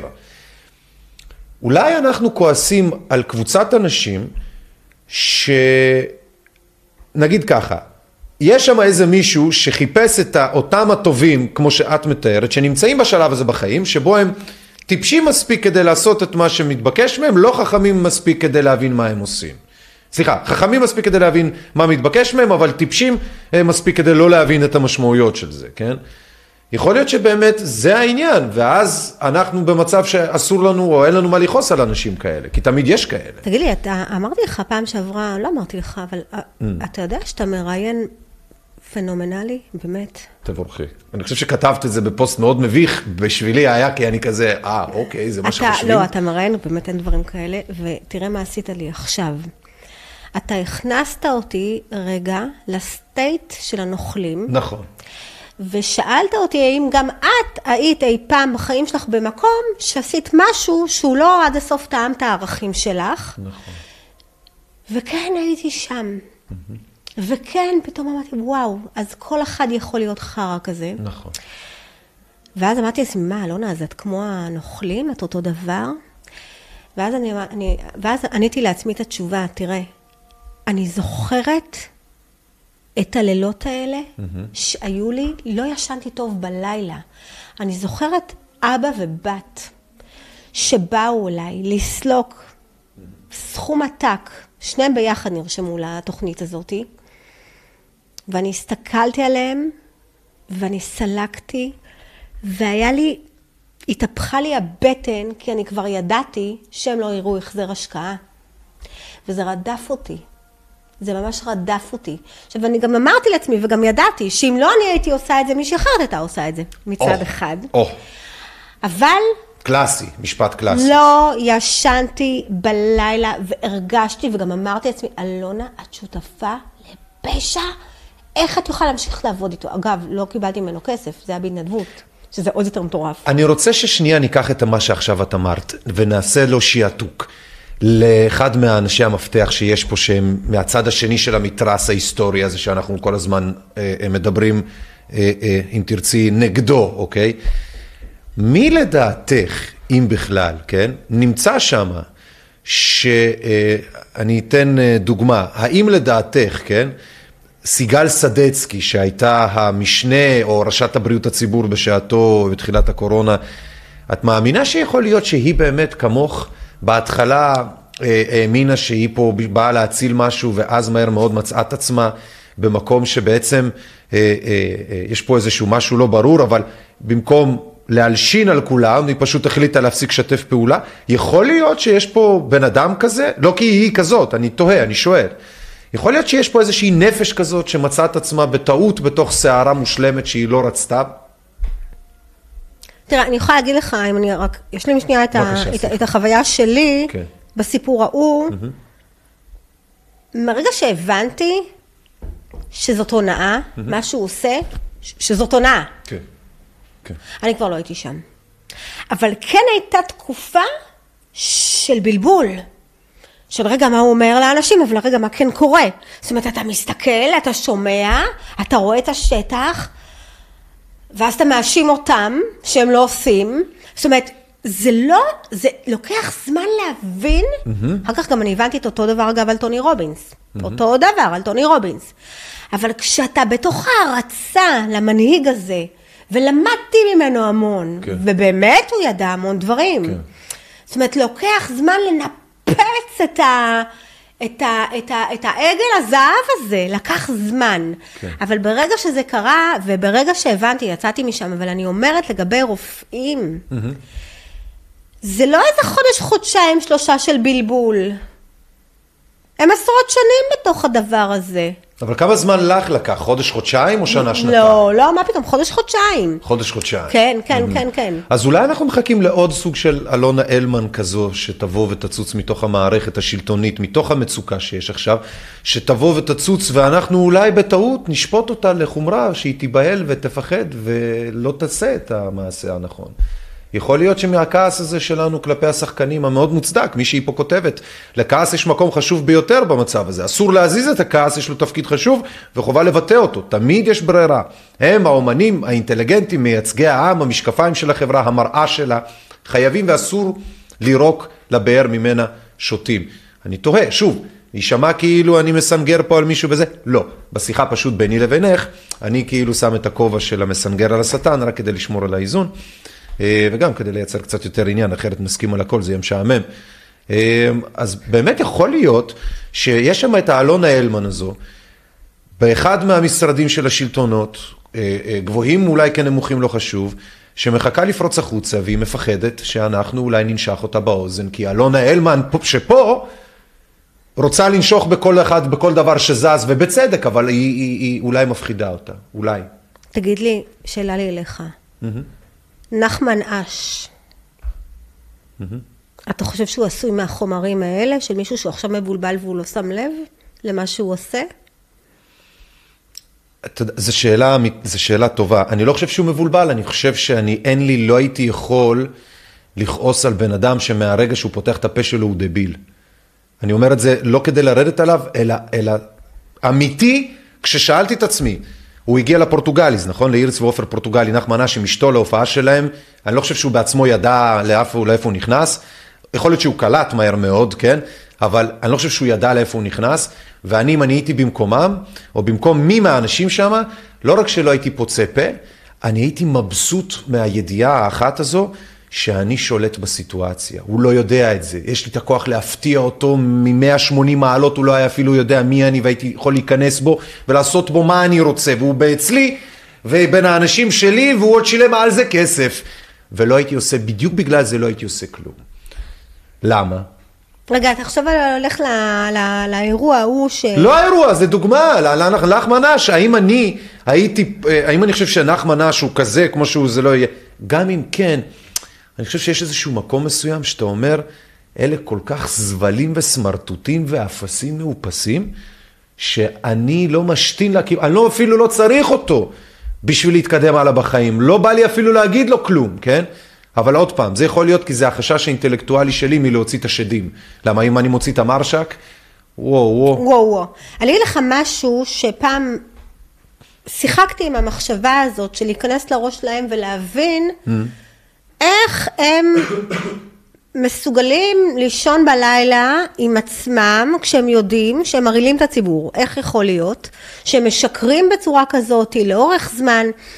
מה קורה שם? וניסיתי להבין, להיכנס לראש שלהם, ועשיתי תרגיל כזה, שבעצם, יש לי קליניקה בבית mm-hmm. של NLP, mm-hmm. ועשיתי, כתבתי פוסט שכאילו אחת מהן מגיעה אליי לקליניקה, mm-hmm. כדי שאני אעזור לה להתמודד עם, ה, עם הקונפליקט הפנימי ועם הייסורים שלה, mm-hmm. שהיא חלק מהשקר הזה. זה נשמע כאילו ראיינת את רועי פרייס אצלך בקליניקה. לא, אבל מישהי שמה מהחבורה הזאתי. אה, או. לא, לא, לא ראיינתי. לא, לא, לא ראיינת, ברור. זה היה שכאילו היא באה אליי ופתחה ושמה את הכל על השולחן. בעצם מילים אחרות, אלונה אלמן פוטנציאלית שיושבת אצלך עכשיו ומשוחחת איתך בעצם. אני אוקיי. לוקח את זה בכוונה, כדי ש... כי יש מתעוררים. קשה לי לשמוע את זה, אבל בסדר. למה? לא כי, את, לא כי את מגיעה מהמקום שלה, אלא דווקא מהמקום הזה של הבן אדם שהבין שהוא עשה משהו עם מישהו כנראה בזה, אבל אה, צריך לשנות את התהליכים, כן, וצריך אז, לתת לו את זה. אז בדיוק, אז okay. אוקיי? כאילו היא באה ממקום של אה, כמו וידוי של הכומר כזה, כן, כן. ושאני אעזור לה. נו. אה, עם, עם החיווטי נפש שיש לה והאיסורים שלה. נגחת בה החוצה. לא, מה פתאום, לא, לא. חס... לא, תקשיב, כשאני ב state של מטפלת, באמת, אין שיפוטיות. כי, כי באמת, רגע, עכשיו אם אני NLP יסטית, תקשיב, כן. כל בן אדם עושה כן. את הכי טוב שהוא מבין, ועם המשאבים שיש לו, וכל בן אדם עושה את הדברים הכי טובים עבורו. איך שהוא תופס את זה. בואי נחזור אליי, בואי נחזור אליי, לאותה אישה, בואי נחזור גם לאותו אותה מקרה. אישה, כן. הנקודת ההנחה שהיא נכנסת אליי לקליניקה, כן. היא לא בן אדם רע, קודם כל. זאת אומרת, זאת ההנחת מוצא שלי. היא לא בן אדם רע. משהו באורח חיים שלה, משהו במה שמניע אותה, מה שהפעיל אותה, מסלול חייה, הוביל אותה לסיטואציה בלתי אפשרית, שבה עכשיו היא חלק מהשקר הזה ויש לה פה תפקיד. עכשיו, בעצם היא נכנסה לקליניקה והתיישבה, ומה שהיא סיפרה לי זה את הדבר הבא. שהיא במשך שנים פרופסור, בסדר? היא פרופסור, ותיקה מאוד. והיא מספרת לי שהיא במשך שנים אה, קיבלה תקציבי מחקר, וקיבלה אה, אה, פרסטיז'ה ומעמד, והמון אה, פרויקטים תחת הידיים שלה, ועם הזמן כל פעם ביקשו ממנה כזה, כי הם היו ביחסים מאוד טובים, לעגל פינה פה, לעגל פינה שם, וזה לא היו דברים כל כך אה, נוראים, זאת אומרת זה היה דברים בקטנה, והיא לא ראתה בזה משהו כל כך בעייתי דאז, והיא זרמה עם זה, והיא זרמה עם זה, והיא זרמה בכל מיני דרכים, ועכשיו, כשבאמת מתחולל פה פשע גדול נגד האנושות, היא כבר זורמת עם זה, כי בעצם היא לא יכולה כבר לפתוח את הפה. למה? כי יש להם עליה כזה אליבי של השקרים והדיווחי שקר של המחקרים שלה. זאת אומרת, היא לא התחילה היום עם הש... לשקר ולהוציא מחקרים שקרים וכולי, אלא זה משהו שכבר אה, יצרה ותק. כן. ולכן היא בעצם כבולה ונעולה בתוך השקרים של עצמה, ואם היא תפיל אותם, היא גם מפילה את עצמה. כן. עכשיו, זה בעצם מה שהיא כאילו סיפרה לי, איך היא מיוסרת שהיא חלק מהשקר הזה, אבל אם היא תפתח את זה, היא פותחת תיבת פנדורה והתכנס לכלא על כל חייה. זה בעצם מה שהיא פתחה בפניי. מה הבום הזה, ש, ש, מה, מה, מה זה עשה לך באותו הרגע, שקלטת שיושבת מולך אישה שבעצם פותחת? את, שכל יום לא מפסיקה, ראיתי אותך בטלפון, איך שנכנסת, טה טה טה טה טה טה טה לרגע אחד לא זה, ואנחנו עוד לחוצים לעלות לשידור והכל. מה, מה זה עשה לך? שאת זו שעושה כל היום מנסה לשכנע אנשים. לא, לא, לא, רואה רגע. את זה פה אצלך מולך. כאילו. כשאני ב state של טיפול, בוודאי. אני לא במקום של שיפוטיות, אני במקום של לשמוע מה עובר עליה. בסדר? אני לא, לא הייתי לא, לא אלונה... שיפוטיות, אבל זה לא נתן לא לך מין תחושה שיש לך. ידיעה, ידיעה חדשותית כמעט? לא, זה היה מרתק.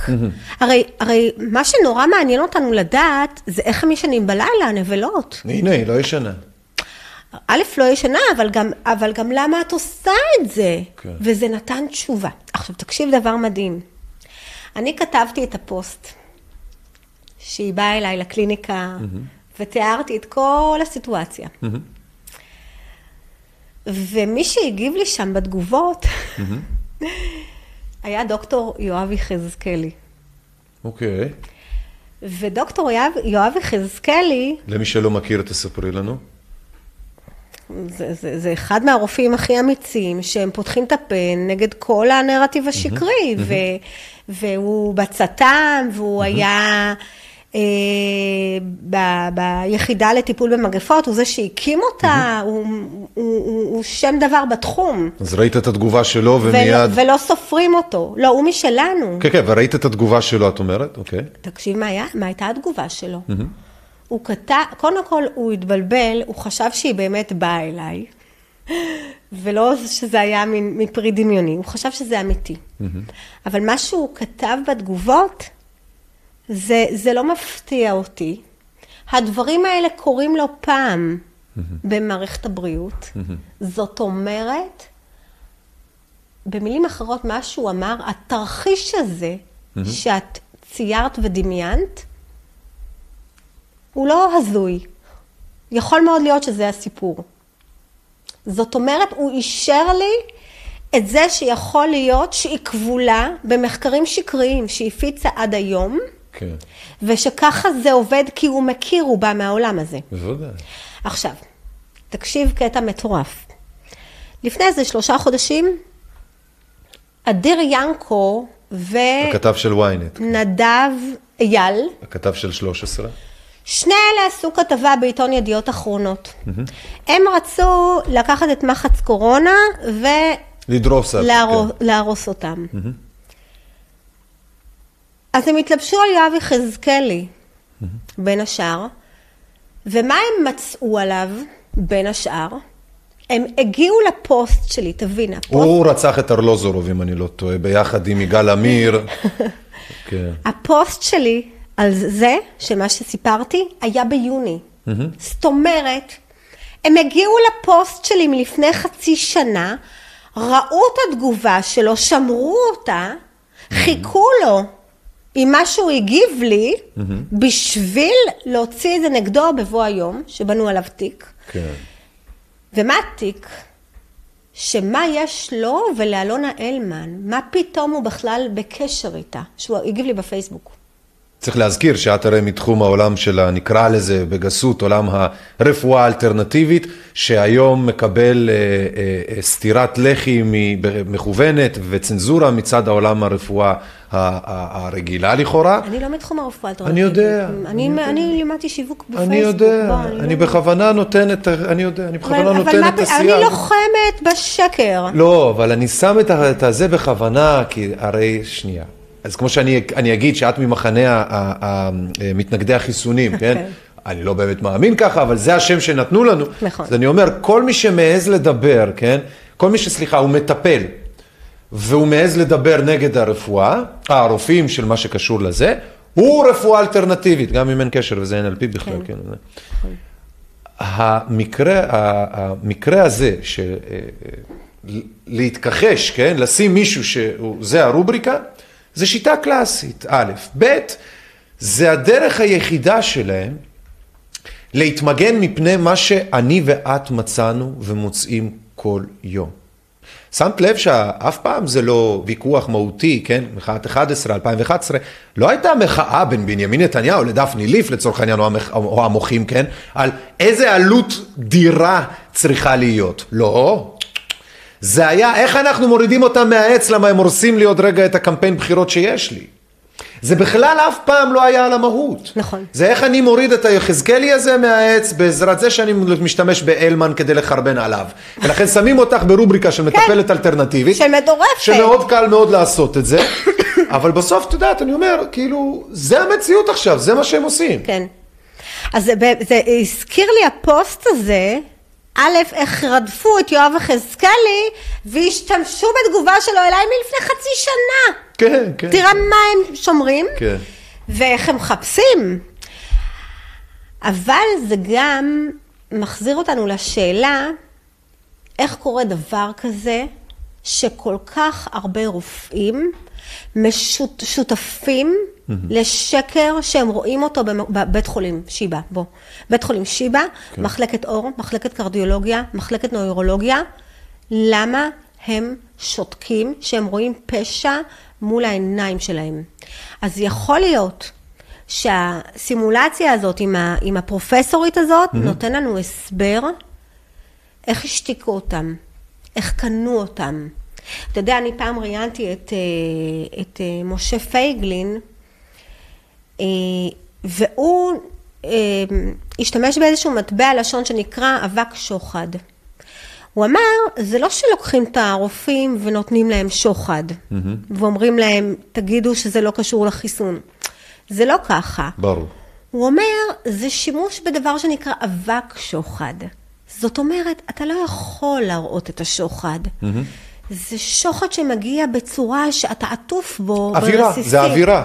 אתה תיקח משהו קטן פה ומשהו קטן שם ומשהו קטן פה שם. פה חול, פה כן, מסעדה, כן, כן, פה אני אממן לך את הטיסה. הטבה קטנה, איזה סרט לך ולאישה, כן. פה יש לך מחקר בתקציב של שני מיליון שקל. כן. הנה, אנחנו, אנחנו, אם יש מחקר, חלק מתקציב המחקר, זה בתי מלון, זה מסעדות, זה ארוחות, כנסים. זה כנסים. כן. זה, זה חו"ל, אבל קוראים לזה כנסים, נכון, כן? נכון. ו- ו- ו- אגב, זה רביב דרוקר בכתבה שלו, לא מזמן, לפני כמה שנים בודדות, כן? עשה כתבה שלמה על בדיוק זה, על תעשיית השדלנות הרפואית, שהולכים ומוכרים, כן? לרופאים ממושמעים, ש- שמקבלים מהתאגידים השונים את ההטבות, אה, אה, אז הם מקבלים כל מיני צ'ופרים, כמו כל מיני כאלה. אז, אז, אז זה לא חדש לנו, אבל... אתה יודע, אליאן, ש... זה לא חדש, את, את, את חושבת ש... את חושבת ש... אני פשוט, זה, זה, זה עצום הדבר הזה שעכשיו אנחנו אומרים, כן? א', זה לא חדש. ב', אם זה לא חדש, אז יכול להיות שבעצם פספסנו, והכתבות לא עשו את שלהם. זאת אומרת, הם, יכולנו לעצור את הרכבת הזאת הרבה לפני. את השוחד ואת המערכת הזאת, הרי הם השתיתו הרבה לפני הקורונה. יכולנו? אני לא יודע. תפסת אותי פה באזורים הלא נעימים עכשיו, אני לא יודע אני לא להגיד לך. חושבת שיכולנו. אני לא יודע להגיד. אם את אומרת, את יודעת, אני פתאום מתחיל לגמגם. אליאן, מה זה יכולנו? אם היינו יכולים, היינו עושים. אבל לא יודע, רביב דרוקר, מה זה, הוא לא הקשיבו לו, הקשיבו לו. מה, הוא שיקר? לא, הוא מצא את האמת. בכתבה הזאת שהוא הלך עם המצלמות הנסתרות והתחקירניות שלו לכל מיני קופות חולים, בתי חולים ועניינים לרופאים, כדי לבדוק ולתת כל מיני הטבות וקומבינות וזה, ואלה הם נמצאו כאשכרה, כן, זורמים עם הקומבינות. עכשיו, אם הם מסוגלים בשביל דברים קטנים, מה זה קטן? זה אבסולוטי. אם שרון אלרועי פרייס מקבלת אה, אה, הבטחה כזאת או אחרת, אה, שאם היא תעשה משהו אחד היא תקבל איקס אה, משהו זה, זה לא משנה לאף אחד אחר בעולם מה זה הדבר הזה, כי כל עוד היא רואה בדבר הזה, כן? כהסכם שבא לה לעשות אותו, זה יכול להיות גם גוגו עם תמורת השיט שהיא עושה וזה לא משנה. והם עושים את זה, ואין לנו איך להימנע מזה, כי זה הבסיס של האנושות כשאתה חושב על זה. הרווחה הפרטית של הבן אדם, ואיך הוא יכול לעשות את זה, ואם הוא רופא, עבד 30 שנה, וסוף סוף מקשיבים לו, כי עד היום הוא היה תחוב באיזה בקטריה, איפה שזה לא יהיה, באנגליה, כמו על רועי פרייס הזאת, סוף סוף היא סקסית, סוף סוף רואים אותה, שומעים אותה, יוצאת מהבוידם הזה הפולני שהיא נמצאת בו, היא בדוק נופלת לפח, כאילו מי לא היה נופל לפח? לא שאני מסנגר, אני פשוט תוהה אני לעצמי. אגיד לך, אני אגיד לך... אנחנו כבר לאט לאט מתחילים כן. לכיוון הסגירה. אז זה בדיוק לכיוון הסגירה, אני, אני, אני די יושבת פה עם, זה עם שאלות, אני לא אומר, לא עם אומר בזה כלום, איכסה זה על שאלות. עצמי, עם מה שחשפתי כאן, כן. כי באמת אני בעצמי הייתי חלק ממשהו מגעיל, שהולכתי בעצמי שולל והולכתי שולל אחרים, אה. והייתי עיוורת ולא הבנתי, וגם כשהבנתי לא רציתי להאמין, או לא מספיק מהר עזבתי ברגע שקלטתי, ויש לי שם את הגועל מה, מזה שהייתי חלק ממשהו כזה שפוגע באנשים, אבל כמה שנים אחר כך, הזמין, אני הייתי מעריצה של טוני רובינס. מי זה? זה המנטור של המנטורים, זה, זה אחד של העצמה והתפתחות אישית, ומגיעים אליו כל הגורואים למיניהם, הוא היה מכל ה- בטלוויזיה מלא גם וזה, כן. מכל העולם, יש לו אירוע ענק, יש לו כנסים של למעלה מעשרת אלפים איש באנגרים ענקיים, ו... אה, לעיתונות אזרחית יש יותר, תעזבי שטויות. זה, זה, הוא מפעל מטורף, כן. ואני הרצתי אותו, והוא מאוד מוטיבייטר כזה, והוא, אתה, אתה מקשיב לו ומתמלא אנרגיה, ואתה ככה, הוא באמת באמת יודע, עושה עבודה מדהימה, ואני הרצתי אותו. ויום אחד הפרזנטורים שלו בארץ כאן, אה, נתנו לי כרטיסים לנסוע לסמינר שלו. כרטיסי טיסה כאילו? לא, כרטיסי כניסה לאירוע. בארץ. לא, באנגליה. אה, באנגליה, אוקיי. כרטיס כזה עלה איזה אלפיים דולר, לא יודעת מה. או. קיבלתי הזמנות, והיה שם, בוא, זה היה חוזה לא כתוב, את מקבלת כרטיסים לאירוע, ותמורה, היה ברור לי מה התפקיד שלי. היה ברור לי. מה? שאני מקבלת מתנה לא סתם, היה ברור לי, לא ביקשו את זה, אבל היה ברור לי שאני צריכה לעשות לזה PR. זה היה ברור, זה שם המשחק.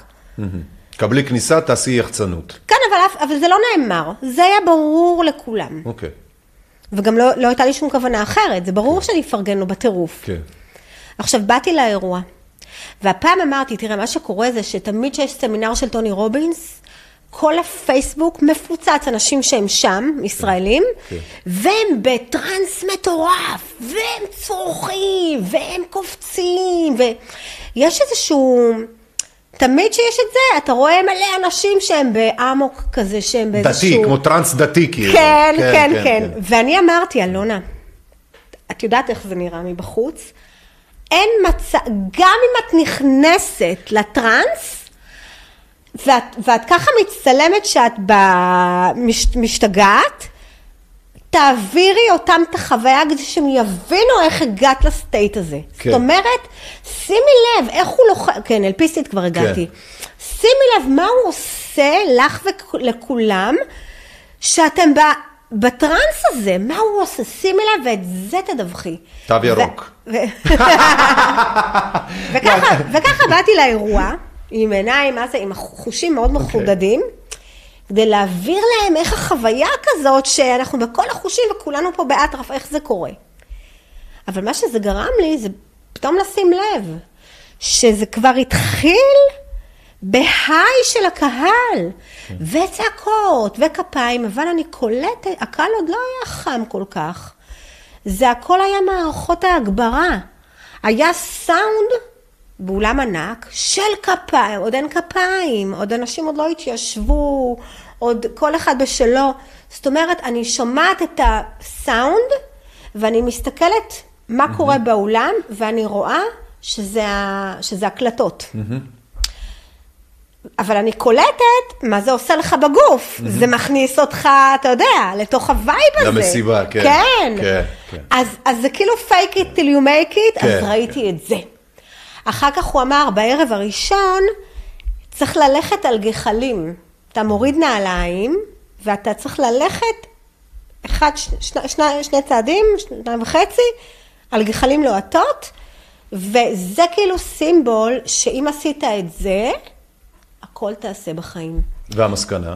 עכשיו, זה גם שקר. מה, אם, אם, אם, הרי איך זה הולך? אתה, לפני שאתה נכנס לגחלים, אתה עומד על איזשהו משטח עם מים. כן. הרגל שלך עם מים. רטובה, כן. רטובה. אתה עושה טק, טק, טק, ושוב פעם הרגל לתוך מים. כן. זאת אומרת, הזמן שמהרגע שאתה נוגע בגחל עד שזה מגיע לך וצורב אותך, כן. כנראה דורש טיפה ליותר זמן, לכן כן. אנשים לא עוברים את הצריבה. כן. זאת אומרת, יש שם משהו של הביולוגיה של הגוף, פלוס הרטבה של הרגל כן. לפני ואחרי, שהגוף לא נצרב. כן. לא נצרב. בוא, אם היו צריכים לצעוד עוד ארבעה גחלים, כולם שם היו צריכים אה, טיפול נמרץ, לא יודעת מה, כן. אמבולנס. בכל מקרה, אני מסתכלת על, ה... על הסשן הזה, הסימבולי, ואיך הוא אומר לאנשים, הוא, הוא שותל להם כבר על ההתחלה, שאם עשיתם את זה, הכל אתם יכולים לעבור בחיים. מה שתרצו תצליחו. עכשיו, זה כבר, אני יודעת שזה שקר. כי אם בן אדם מגיע, אין לו גוף הידע, אין לו את הכריזמה, לא יודע לעמוד מול קהל, לא יודע לדבר, אין לו רקע מקצועי מספיק, אין לו ניסיון. זה לא מספיק mindset, זה לא מספיק שאתה נורא מאמין, זה לא מספיק, לא יעזור. עכשיו, אני הסתכלתי על מה שהוא עושה, ואיך הוא מחדיר לאנשים אפירמציות למוח, מאשרר להם את, ה, את התחושות שלהם, כאילו. שעושה להם ושותל להם הרבה מאוד דברים, והשיא השיאים היה שהוא הבטיח להם את החיי עושר ולהיות מיליונרים בתנאי שתקנו את הקורס Business Mastery שלי ב-30 אלף שקל, ב-30 אלף דולר או משהו כזה, ואם אין לכם כסף, אז קחו משכנתה. כן. קחו משכנתה כן. ותקנו את הדבר הזה. כן, כן. והוא עשה דמיון מודרך עם תהליך חזק שקוראים לו Dickens Process, ושם הוא אמר לאנשים, ועכשיו תהיה הפסקה, ואתם תלכו, ואתם תקנו את ה- את ה Business Mastery. היפנוזה, היפנוזה, היפנוזה, נכון. par excellence. בדיוק, עכשיו צריך תבין. להודות, זה היפנוזה. אפרופו המקום הזה שלא יודעת מה אני עושה, הערב האחרון של הארבעה ימים סמינר, אני בתוכי מחויבת לשולח שהבטחתי PR, בלי שזה סוכם. ואז אני אומרת לעצמי, אלונה, למי את מחויבת? את מחויבת לשולח שנתן לך את הכרטיס, או שאת מחויבת לקהל שלך, של העוקבים.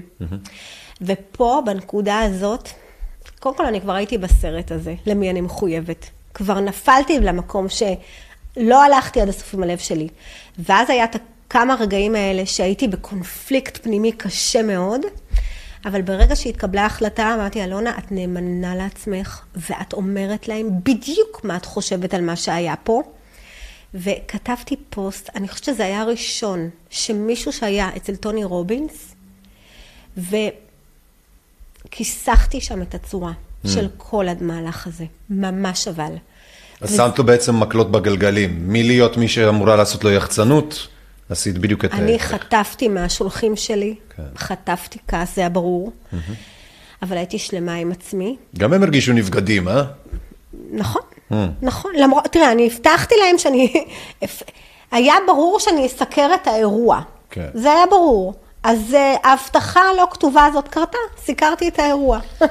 לא הבטחתי שזה יהיה חיובי או שלילי. אשכרה. מה שאני אבל רוצה להגיד לסגירה של המקום הזה, זה יכולתי לראות את השקר של ה-UPW, זה נקרא, בזכות החוויה ההיא כן. עם המנטור הישראלי, שהוא פקח את העיניים לאיך מוליכים שולל פה בעלי עסקים.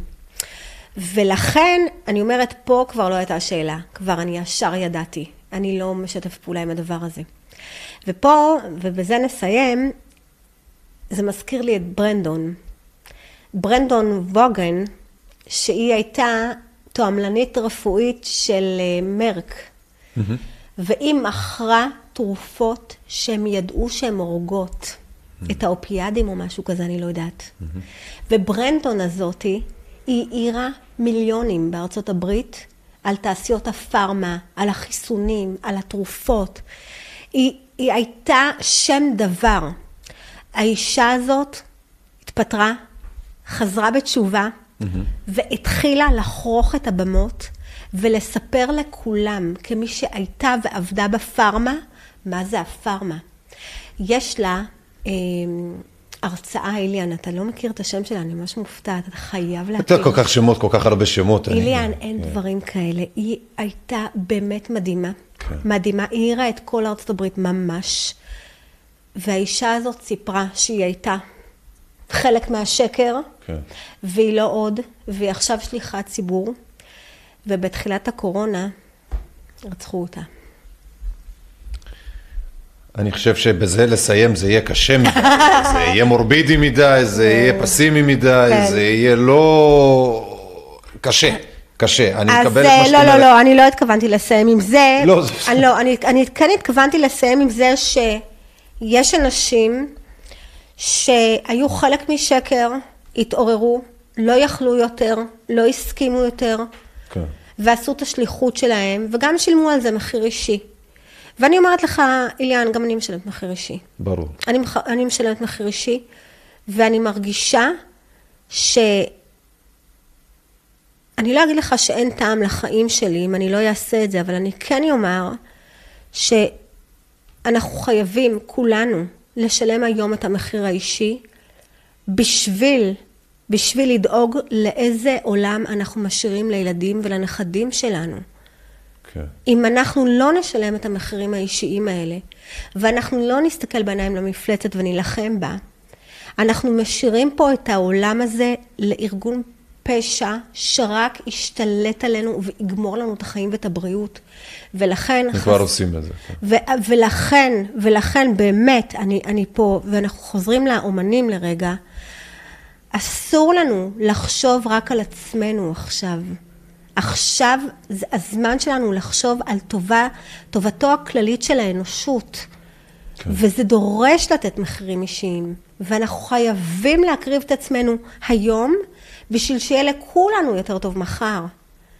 ואני רוצה להגיד תודה רבה לברנדון, שהיא, החיים שלה, היא שילמה בזה בחיים שלה.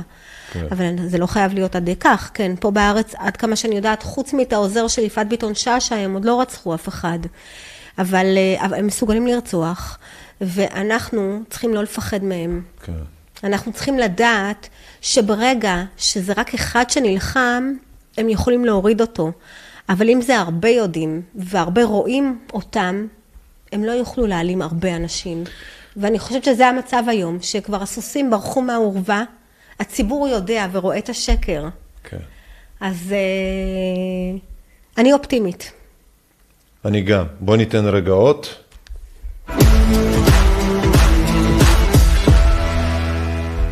חברים יקרים, אני רוצה להגיד תודה רבה לאלונה אלמן שהגיעה, טרחה, למרות המזג האוויר, החורף וכל התנאי דרך, הכבישים והעניינים, טרחה והגיעה לאולפן שלנו כדי לשוחח מעט על האקטואליה, כי כשמשרד הבריאות מכריח אנשים באיומים לשבת בבית בבידוד והסגר תוך פגיעה באורחות חייהם ורווחתם הכלכלית והנפשית והגופנית, הדבר הזה מייצר פגיעה גם בכל שאר שכבות וקבוצות האוכלוסייה, כשתאגיד ביון ומעקבים ישראלי ועל חבריו נותן כלים לשלטונות ולמשטר הישראלי לעקוב אחרי אזרחים חשודים שהעזו להפגין, רחמנא ליצלן, באופן לגיטימי, בדרכים לגיטימיות. התחושות בציבור הן ששוב פעם מצאנו מאפיין דיקטטורי בולט בשלטון שלנו, גם אם לא כולם, אבל זה בנוסף למאפיינים רבים ואחרים. כשנציגים שונים מטעם עצמם תוקפים יום אחרי יום אחרי יום את מי שמעז להטיל ספק ולשאול שאלות קשות, מתקבלות תופעות לוואי חמורות בהרבה מאלה שמספרים לכולנו עליהן, בתקשורת של התאגידים השונים והחברים שלהם. אז בתוכנית היום, כאמור, ביקשנו את אלונה כדי להבין בעזרתה ודרכה וביחד איתכם גם את מה שקורה עכשיו בימים האחרונים. אנחנו נשמח מאוד, אלונה, שתבואי שוב בקרוב. ונדון על הדברים בעתיד, בתקווה שנצליח, בתקווה שנתראה במקום אחר שהוא יותר טוב, תחת שמיים חדשים ורעננים יותר. ואני יודע שאנחנו מצליחים. אני מרגיש לאט לאט, או יותר נכון מהר מהר, יותר ויותר, נכון.